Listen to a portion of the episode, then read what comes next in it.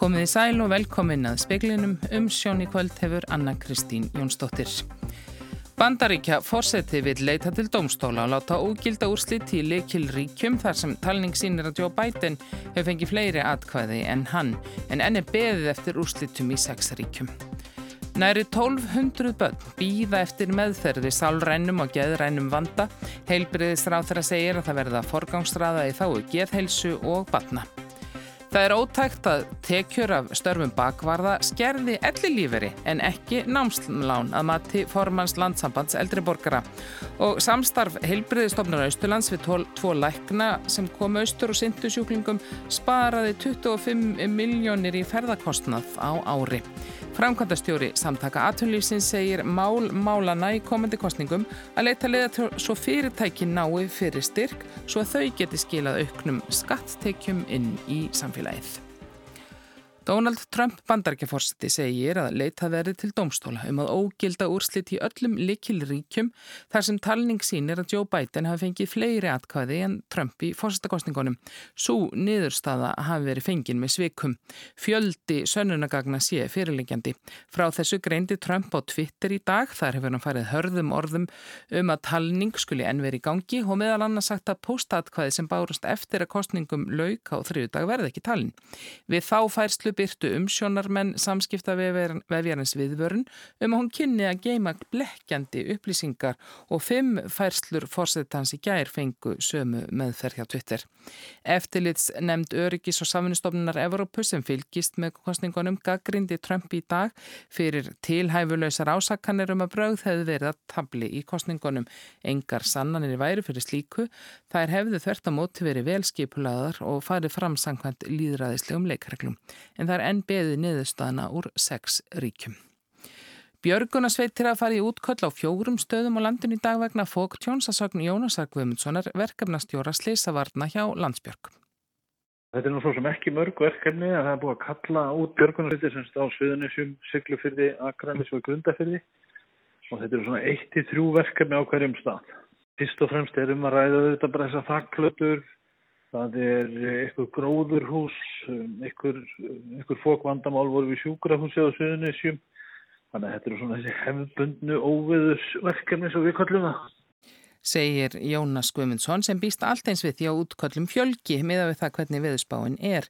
Hann vonar hins vegar að það gerist ekki, brínir fyrir fólki að ganga vel frá trampolínum, garðhúsgögnum og fleiru. En gular veður viðvarnir vegna Suðvestanstorms eru í gildum allt land nema á Suðausturlandi. Sigurður Jónsson veðurfræðingur, já, hvar er kvassast og, og hvenar gengur niður? Já, það er kvassast í aðal vinstrengurinn er að, er að hérna á Vestamörulandinu og, og það er kvassast í faksaflóðunum, eh, Snæflisnessinu og Breðafyrðunum og, og Vestfyrðunum og það má gera ráð fyrir því að þetta farin svona ganga svona niður eftir kannski svona 2-3 tíma eitthvað svo leiðis og, og síðan farin nú allavega veiðveðan að detta niður þegar það kemur fram með nótina. Og er þetta búið á morgun? Semst? Já, það verður svona bara svona leiðinda suðvestan átt á morgun en, en eh, mun rólegar enn í dag saði Sigurður Jónsson. Geð heilbriðismál eru í forgrunni. Þau eru ekki afgangstærði í störfum ríkistjórnarna, sagði heilbriðisráð þeirra á alþingi í dag og það beri að forgangsraða í þáu geðhelsu og í þáu badna. 1193 börnum allt land býða eftir meðferð við sálrænum og geðrænum vanda. Lengstur er bygglistin á þróska og hegðunarstöðinni. Þetta kom fram í málið Guðmundar Inga Kristinssonar, Þingmanns Flokks Fólksins, sem var málshefjandi í sérstakri umræð og alþingi í dag um bygglista eftir úrræðum fyrir börn með geðheilbriðisvandamál en hann segir geðraskanir vera eina helstu orsök örorku. Hver er afleggingarnar fyrir viðkomandi börn? Skólagóka þeirra er í uppnámi, framtíð þeirra er í uppnámi, framtíð fjölskyldunar er í uppnámi. Það er hægt að koma í veg fyrir það með því að sjá til þess að börn sé ekki á biðlistan. Sagði Guðmundur Ingi Kristinsson. Mikill samhljómur var í máli þingmann í þessari umræði í dag en Svandi Svavarsdóttir heilbreyðisáþara var til svara. Hún saði geðhilsu vanda barna verað mismunandi og byði tíma tölur einar og sér ekki gefa rétta mynd þótt miður væri að mörg börn væri á byðlistum. Hún saðist í sínu ennbættilegja mikla áherslu á geðheilbreyðismál, ekki síst geðheilbreyðismál barna og við höfum lagt áherslu á það að geðheilbrigðismál séu í forgrunni og þau séu ekki afgangsstærð þegar uh, líkamleg heilsa hefur verið uh, í brennidepli. Þannig að uh, ég vil fullist að hátta þingmannu það að ég er algjörlega sammála hans áherslum í þeim efnum að það beri að forgámsraða í þáu geðheilsu og að það beri að forgámsraða í þáu batna. Það hefur þessi ríkistjórn vilja gera. Saði Svandi Svavastóttir, Jóhanna Vigdís Hjaltadóttir tók saman. Matvæla stopnun ætlar að hefja skimun fyrir kórunveru á minkabúum landsins vegna frétta af stökkbreyttu afbreyði veirunar sem greindist í minkum í Danmörku og barst þaðan í fólk. Þetta skapar hægt á því að bólöfni sem nú er í vinslu gegn COVID-19 virki ekki á þetta stökkbreytt afbreyði. Ekki að grunur um að kórunveru smitt hafi komið upp á minkabúum hérlandi. Þau eru nýju og eru á Norðurlandi, Vestra og Suðurlandi með alls 15.000 eldislæðum. Þórun Sveinbjörnsdóttir, formaði landsambands eldriborgara, segir það ótækt að tekjur vegna starfa í bakvarðasveitum, heilbriðis og mentakerfisins skerði ellilíferi, sérstaklega í ljósi ákverðunar mentamálur á þeirra að tryggja það að tekjur bakvarða skerði ekki námslan. Það að vera í vinnu og vera 67 ára og vera fann að taka eitthvað úr almannarsvíkingum, að þá er því tekið mark og ef við komum til starfsmaður er komin yfir því tekið marki en það er enn þörf fyrir starfsmannin á spítalanum með þetta ástand sem nú vaði að þá finnst okkur að þetta er eðlilegt að gefa undarþáu eða á að gefa undarþáu gafast mentasjóði námsmanna. Hún telur að ásmundur Einar Daðarsson, félags- og barnamálar á þeirra þurfi að íhuga að tryggja eldrafólki sömu möguleika og námsmönnum á því að starfa í bakvarðasveitunum. Ég með því að bendi enni Lilju á það að þetta myndi draga dillt á eftir sér. Það væri alveg ljóst og það væri ínsið sem að, sæju að þarna væri uh, já, gött í kerfinu. Saði Þórun Sveinbjörnsdóttir, formaður landsambands eldriborgara. Guðlaugur Þór Þórðarsson, utanríkis ráð þeirra fundaði dag með Mike Pompeo, utanríkis ráð þeirra bandaríkjana um viðskipta og efnagsmál ríkjana. Guðlaugur rósar kollega sínum í bandaríkjanum fyrir að leggja áherslu á milliliða laus samskipti ríkjana. Þeir Guðlugur Þór og Mike Pompeo hittust hér á landi í februar í fyrra þar sem efnahagssamráð ríkjana var formlega sett á fót. Hér eftir verður fundað árlega um viðskiptasamskipti Íslands og bandaríkjana. Hann hefur bæði skilning, þekkingu og, og áhuga á því að góð samskipti við Íslandinga. Svo kallað Íslands frumvarp er nú til umfjöllunar á bandaríkjaþingi um sérstakar vegabrefs áriðtannir fyrir Íslenskt viðskiptafólk. Guðlugur þóra á ekki vona á að það breytist, sama hver úrslitt fórsetakostningarna þar í landi verða. Við höfum unnið ekki bara með núverandi stjórnvöldum, hendur líka unni skipilega því að fá fylgis líka frá uh, demokrautum og uh, við erum omgóðið það að það náði fram að ganga í það mista er gríðarlega stórt skref að það sé loksis komið fram eftir áratuga vinnu. Guðlugur Þór vonast til að bein og millilega laus samskipti ríkjana haldi áfram óháð kostningaúslitum.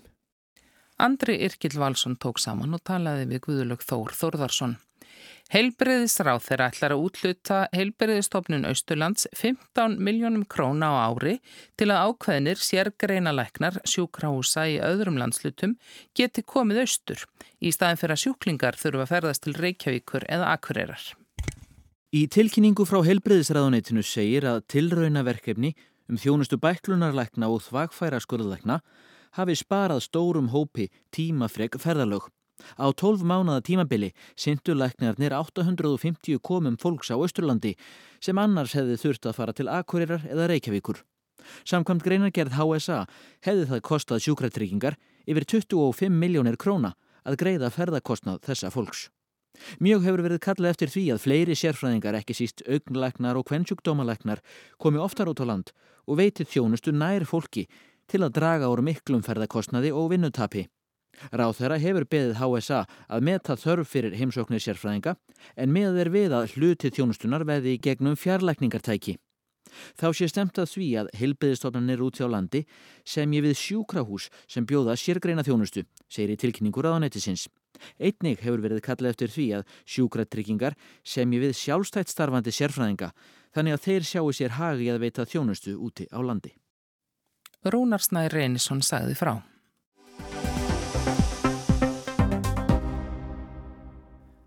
Framkvæmdastjóri samtaka atvinnlífsins segir að aukin skattlagning sé ekki leiðin út úr kreppunni. Stöðla verði að því að fyrirtæki nái fyrir styrk svo að þau geti skilað auknum tekjum í samfélagið. Þetta eigi að hans mati að vera mál málana í komandi alþingiskostningum.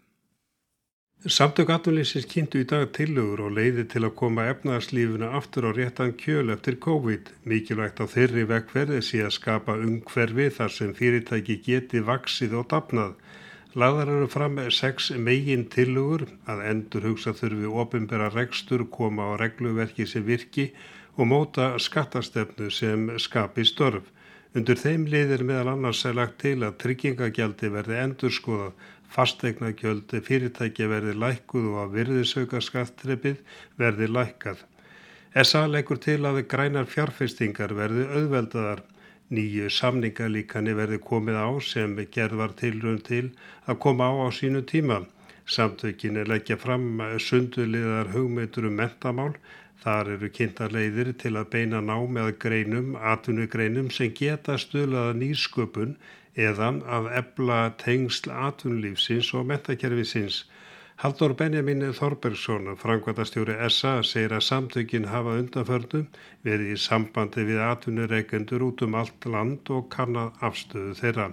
Og það sem við sjáum og kemur mjög skýrt fram er að staðan er sannanlega ekki góð og það sem ég hef mestar ágjur af og samtök atvinnlýsins hafa rætt hvað ítarlegast í ofnbjörn umræðu er þetta vaksandi atvinnlýsi. En það sjáum við að atvinnureikandur eru bara alls ekki á þeim buksunum að ráða nýtt fólk.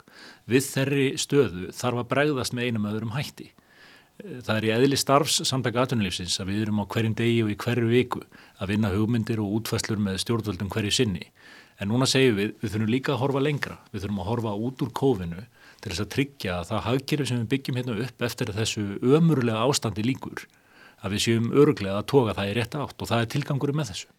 SA bendir réttilega á að hallin á ríkisjöði stefni um 900 miljardar krónan en óttast samtökin að það verði gripið til skattahækana til að rétta við efnahæginn. Við getum bara sagt að það séu svona tvö megin sjónamið sem er að takast á í vestrætni pólitíku og hagstjórnum þessa myndir. Annars vegar það sjónamið sem ég hafnaði er ósamála að leiðin út úr kreppinu sé aukinn skatlaðing bæð á einstakling og fyrirtæki.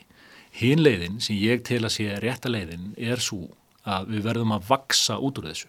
Það er að segja, hagkerfið verður að stækka og það er svona þessi, þessar grunntillögur sem við leggjum hvernig við getum stuðlaða því að fyrirtækinn þegar þau ná fyrir styrk á nýjanleik, hvernig þau geta haldið áfram sóksinni, skilað auknum skattekjum inn í samfélagið og það er sérstökur reiknivél sem við erum að kynna inn á þessari vefsíðu sem er mjög sniðu fyrir fyrirtæki til þess að sjá hvaða starfsfólk og fyrirtæki er að leggja inn í þetta samfélag. Þannig að við leysum ekki vandan með aukinni skattheimtu, við verðum að finna leiðir til að vaksa og vaksa á arðbaran máta og það á að vera í mínum huga mál málana í komandi kostningum. En eru þið að leggja til að skatta verið lækkaður, eh, leysum við vandan með því að lækka skatta? Það er nú ekki sangjöðn samantækt hjá þér. Það er, við erum að gera breytingar á skattkerfunu fyrst og fremst til þess að stuðla kvötum til dæmis til nýfjárfestinga. Ef við skoðum þessar þjóðagsbár sem liggja fyrir núna, þá eiga er kannski eitt samvert að fjárfesting eh, atvinnuvegana er að dragast alveg verulega saman. Og ríkistjóðin hefur þegar brúðist við því að hluta til uh, með yfirlýsingu um, nýtt frumvarp sem gerir í raun kvati til græna fjárfestinga Þannig að fyrirtæki sem fara í græna fjárfestingar geti afskrifað hraðar, það er stoppfjárfestingar sem þeir fara í, sem er afskaflega jákvæmt sjáðu. Þannig að fjárfesting í dag er hávöxtur á morgun og það er það sem við þurfum. En getum ekki sagt, eða ykkur getur getið sagt, já þetta er svona uh, gamlar lumur eða uh, tónar að uh, annars vegar að lækka skatta og hins vegar að draga úr umsöfum hins ofinbæra.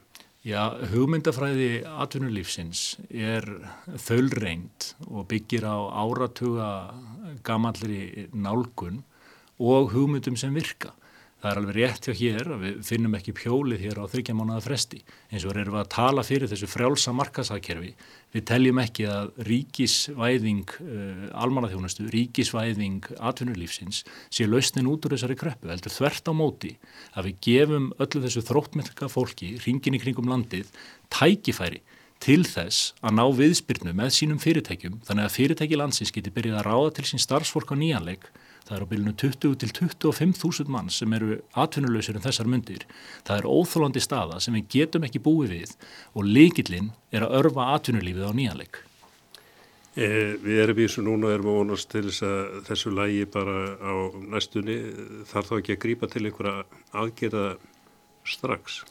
Þetta er eiginlega tvíþætt eins og þetta horfum við mér. Annars vegar eru þessar bráðaðgerðir sem eru nöðsynlegar til þess að já, stoppa upp í það gat sem er að myndast í hagkerfinu út af koronaviruninni, út af vegna þessara endalösu slagana og herðinga á ímsum sóttvarnaraðgerðum sem koma mjög illa niður, á, niður við, koma mjög illa við atvinnulífið afsakaðu.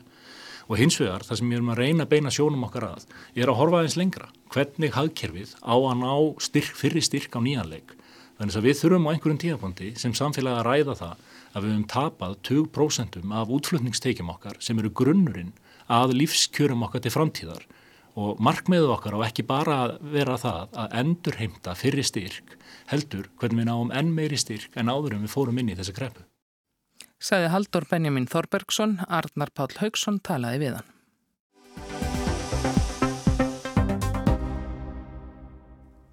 En sitja talningamenn að störfum vestur í bandaríkjunum og ekki ljóst hver verður fórsetið þar næstu fjögur árin. Mjótt er á munum víða en skoðanakannanir undanfannar vikur síndu forskot Jós Bætens demokrata meira en raunin varð.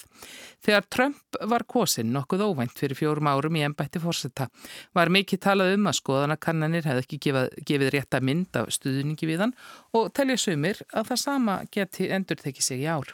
Guðbjörg Andrea Jónsdóttir er fórseta forstöðumæður félagsvísindastofnunar Háskóla Íslands. Þetta er alltaf óskaplega spennandi fyrir okkur sem erum að vinna við skoðanakannanir að sjá hversu nálagt kannanir að komast raunverulegum niðurstöðum. En hvers vegna þetta er svona eins og það er núna er svolítið erfitt að segja til um. Það er náttúrulega alveg aðra grúi af kannunum sem er gerður í bandaríkjanum þannig að, að þetta er alveg frumskóra að fara í gegnum þar allar. Og það eru mjög mismunandi, mismunandi gerðar en samt sem áður svona ef maður kíkir á þessar síðustu kannanir sem voru gerðar eins og til dæmis uh, kannun sem var gerð á landsvísu af Ipsos þá sáum við í þeirri kannun, hún var gerð dagana 29. oktober til annan november að samkvæmt henni þá var gert ráð fyrir að Biden væri með 51% atkvæða á bakvið sig en Trump með 46 og svona síðustu tölu sem ég sá um, um hvernig staðan væri í talningunni þá var þetta nú ekkert svo óra fjarrri þessu að Biden virtist vera með um 50% og, og og Trump með 48 þannig að þessi niðurstu allavega var vel innan skekkjumarka. En eins og ég segi þá er þetta náttúrulega svo rosalega margar kannanir sem er verið að gera. Og eftir því sem nær drögu kostningum þeim er líklega er að það séu svona nálagt endalegri niðurstöðu. En svo auðvitað náttúrulega bara kostningakerfiði í bandaríkjónum gerir þetta enþá flóknara og það er náttúrulega ekki nóg að hafa hvernig svona á landsvísu sem segir hversu mörg atkvæði er á bakviða, hvernig atkvæðin skiptast, heldur þurfum að sjá líka skiptingu kjörmanna. Þannig að það er í rauninni nöðsöld að fara í hvert einasta ríki fyrir sig og gera hvernig þar. Og eftir að hafa rent í gegnum kannanir sem gerðar voru einstökum ríkjum þar sem úrslitt líka fyrir, sínist Guðbjörgu sem almennt hafi stuðningur við republikana og Trump verið nokkuð vanmetinn. Engur leiti getur verið að það liggi í aðferðafræðinu og hvaða hópur það er sem stiður Trump. E, mikið af þessum konunum byggja á svo kvöldu netpanelum þannig að það er búið að sapna þá fólki í, í svona hóp sem að tekur þátt í konun á netinu og síðan er bara valið tilvíðinu úrtak úr því. Þannig að það geti að hluta til haft eitthvað að segja að, að þetta vanmat verður á Trump. Uh, í svona netkonunum er alltaf hægt á því að það séu einhverjir hópar sem að, sem að ekki, eða að hópun endur speil ekki alveg alla þjóðina. Þannig að til dæmis er, er líklegt að það, það er oft erfiðar að fá eldra fólk til að taka þátt í, í svona netparlanum, ímsa minni, minni hluta hópa, uh, fólk sem er með litla mentun, þannig að þetta eru hópar sem eru líklegir til að vera vannmetnir að einhverju leiti. En þegar að spámenninni taka svo við gögnunum núna í ljósi reynslunar þá svona reyna þér svolítið að vikta svörin inn. Hvað fælst í því? Einmitt og þetta er eitthvað sem að, svona aðferðafræði sem að er vel þekkt og, og við notum þetta gjarnan ef það er einhverju ákveðin hópa sem við sjáum að, að eru of, of látt hlutfall af einhverjum ákveðin hópum í, í niðurstöðun hjá okkur. Þannig að þá reynum við að, að láta atkvæði einstaklinga í þessum hópum, til dæmis ef við værim að hugsa um eldra fólk, að það væri ofáir fullornir í, í konunni, e, þá myndum við reyna að láta atkvæði þeirra vega eða svör þeirra vega þingra í heldar niðurstöðunum heldur en, heldur en einn. Þannig að þau fá aukið vægi sem sagt. Get ekki komið einhverju nökrar upp í þeirri viktu? Jú, jú, það getur gert það vissilega og það er alltaf flókið líka þegar við förum að vikta þá erum við í raunin að gefa okkur ákveðna fórsöndu líka þegar við gefum einhverjum meira vægi heldur en eitt, gefum hann kannski tvöfald, þrefald vægi, þá erum við raunverulega að segja að við gerum ráð fyrir að annað fólk sem er með svipað, svipað eiginleika, til dæmis á svipum aldri, að, að það myndi kjósa eins og þessi sem við erum að vega upp. Og það er kannski fórsynda sem er svolítið erfitt að gefa sér. Við getum kannski ekki endilega eh, gert ráð fyrir því ef við segjum að að allir áttræðir sem að svara á netinu að þeir geti raunverulega verið dæmigerðir fyrir alla áttræða þannig að það er svolítið hæpinn fórsenda þannig að það getur komin ákveðin skekkja inn og það er eitthvað sem er stöðut fyrir að reyna að lagfæra. Þess eru dæmamenn svari vísvitandi í könnun öðruvísi en þeir ætla sér en Guðbjörg segir það þó fátítt. Erfiðar að sé að eiga við hver dræm svörun er við orðin og að ákveðinir hópar svara ekki. Það sé alþjóðlegt vandamál. Svalhutal hefur farið lækandi mjög hratt núna síðustu áratugina. Kanski ekki næstu eins mikið vandamál hér eins og við Erlendis. Í bandaríkjónum er þetta vissulega orðið daldi mikið vandamál að það er erfitt að fá fólk til að taka þátt í kvennunum. Svalhjóttal hefur verið að lækka og þess vegna er verið að leggja meiri áherslu á að byggja upp þessa panela og nota þá. Og við sjáum þetta líka í Evrópu að það er mjög erfitt ofta í, í sumulöndum að fá fólk til að taka þátt. Til dæmis í Þískalandi er, er 30% svalhjóttal bara nokkuð gott nú orðið. En tilviljana úrtak sem tekir á réttan hátt úr hópnum sem á að alhefa um getur skilað mjög traustri neðustuð. Og það er einmitt vandin við suma af þessum netpanelum sem er verið að nota að er, þeir byggja ekki allir á tilvílunarúttaki. Heldur byggja er á því að fólk bara skrái sig, þeir sem hafa áhuga að taka þátt í, í kannunum, þeir skrái sig inn í, í panelana og þá skapast ákveðin hætta og hætta á því að við getum ekki treyst á þessi, þessi hefðbunnu útreikninga á öryggismörkum. En eftir því sem svarhlutfallað er lagra, því meiri óvisa verður um hvort kerfisbundin villas ég í niðurstöðum konnunar. Guðbjörg segist ná ekki sérfróðum bandarska pólitíka eða kostningar en miða við fréttir sé enn mikil óvisa um alls konar hluti sem tengjast kostningunum vestra. Hún telur þó líklegast að síðustu kannunar verð ekki langt frá þeirri niðurstöðu sem stefnir í, það er að bætin sigri.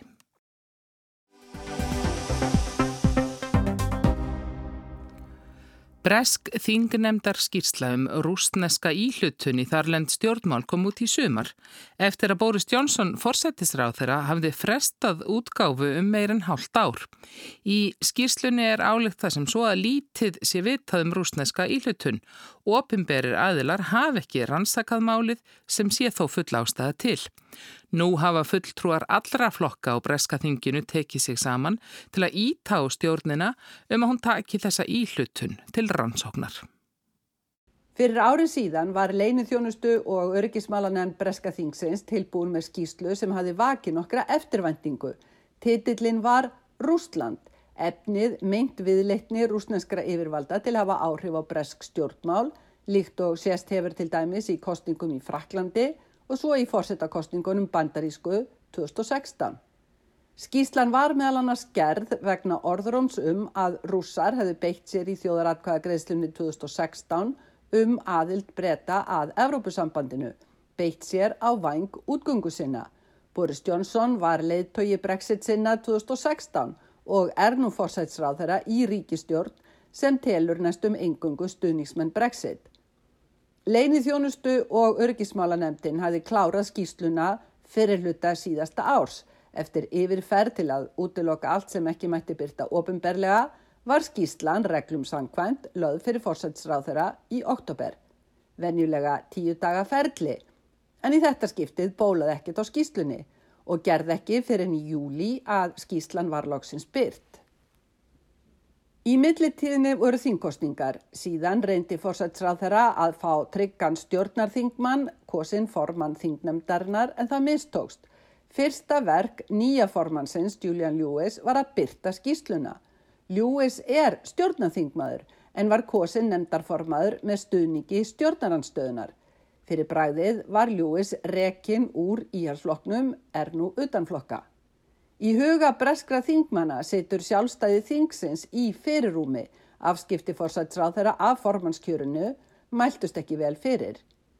En hvað var þá í skýslunni sem fórsætsráð þeirra var svo mikið munað ekki byrtist? Það eru engin einstök atriði þar sem koma stjórninni illa. Nemndin dregur upp ófagra mynd af sífældri viðleikni kremlverja til pólitískra áhrifa í Breitlandi alveg frá sovjettímunum. Eitt af pólitísku leiðarnóðum Vladimir Putins rúslandsforsetta virðist vera að grafa undan líðræði og stöðuleika á Vesturlundum þar að viðleikni til að hafa áhrif á kostningar þar. Í Breitlandi er það svo bein ígrip rúsneskra yfirvalda morðið á njósnarnum Alexander Litvinenko 2006 og 12 árum síðar morðtilræði við annan njósnara Sergi Skripal og dóttur hans eitt helsta fréttaefnið í Breitlandi það árið. When enemies of the Kremlin are poisoned in Britain, members will have their suspicions. Í skýslunni er neitt á að almennt hafi breska stjórnir í ár og áratugi verið of bláegðar gagvart rúsum vilja trúa því að það var hægt að vinna með þeim lengi að átta sig á að rúsar voru ekki að nikast í liðræðisátt. Þið aðtiklisverðasta í skýslunni er kannski það sem segir um viðhorf bresku leinin þjónustunar og tengdra stopnana til rúsa. Þessar stopnanir sem eigi að verja brest líðræði gegn erlendri íhlutun hafa að matinemndarnar verð of uppteknar af baráttu gegn hriðiverkum. Hins vegar hrættar við að taka rúsum af því það væri pólitist viðkvæmt mál. Niðurstaða skýslunar er meðal annars að vissulega sé það rétt að ekki sé mikið um vísbendingar um rúsneska íhlutun en það sé fyrst og fremst að því slíkt hafi ekki verið rannsakað, nefndin kvarti því til frekari rannsókna.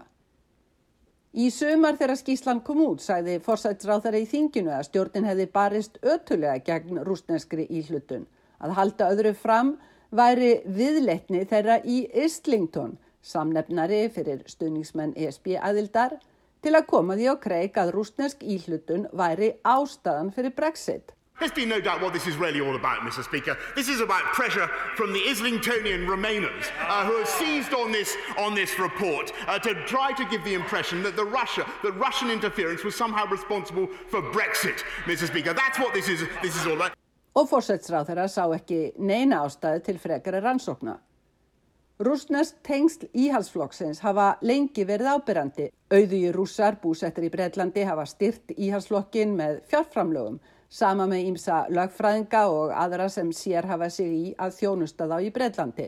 Og Boris Johnson er góðvinnur feðgana Alexander og Evgeni Lebedev sem eiga núna dagblöðin Evening Standard og Independent. En skýslan hefur dreyið dilk á eftir sér. Hópur þingmana úr öllum flokkum, líka úr lávaradeildinni, hefur nú dreyið forsætsráð þeirra fyrir dóm, telja hann og ríkistjórnina hafa bröðið skildum sínum samkvæmt ákvæðum Evróska mannrettindasáttmálans um réttin til frjálsra kostninga. Einn í hópnum er Pítur Ricketts lávarður sem var hátt á strái í öryggismálum, meðal annar sem öryggismála ráðgjafi David Camerons þá forsætsráð þeirra. Þessi hópur allar greinilega ekki að láta rúsneska íhlutun og ábyrðbresku stjórnarinnar gleymast. Og það var Sigrun Davíðsdóttir sem sagði frá.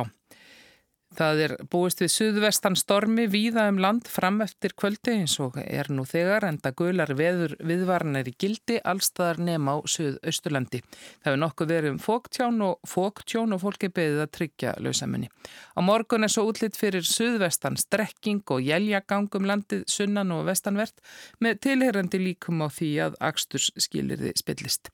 Tæknumæður í útsendingu speilsins í kvöld var Mark Eldrett Fleiri er ekki þættinum í kvöld veriði sæl.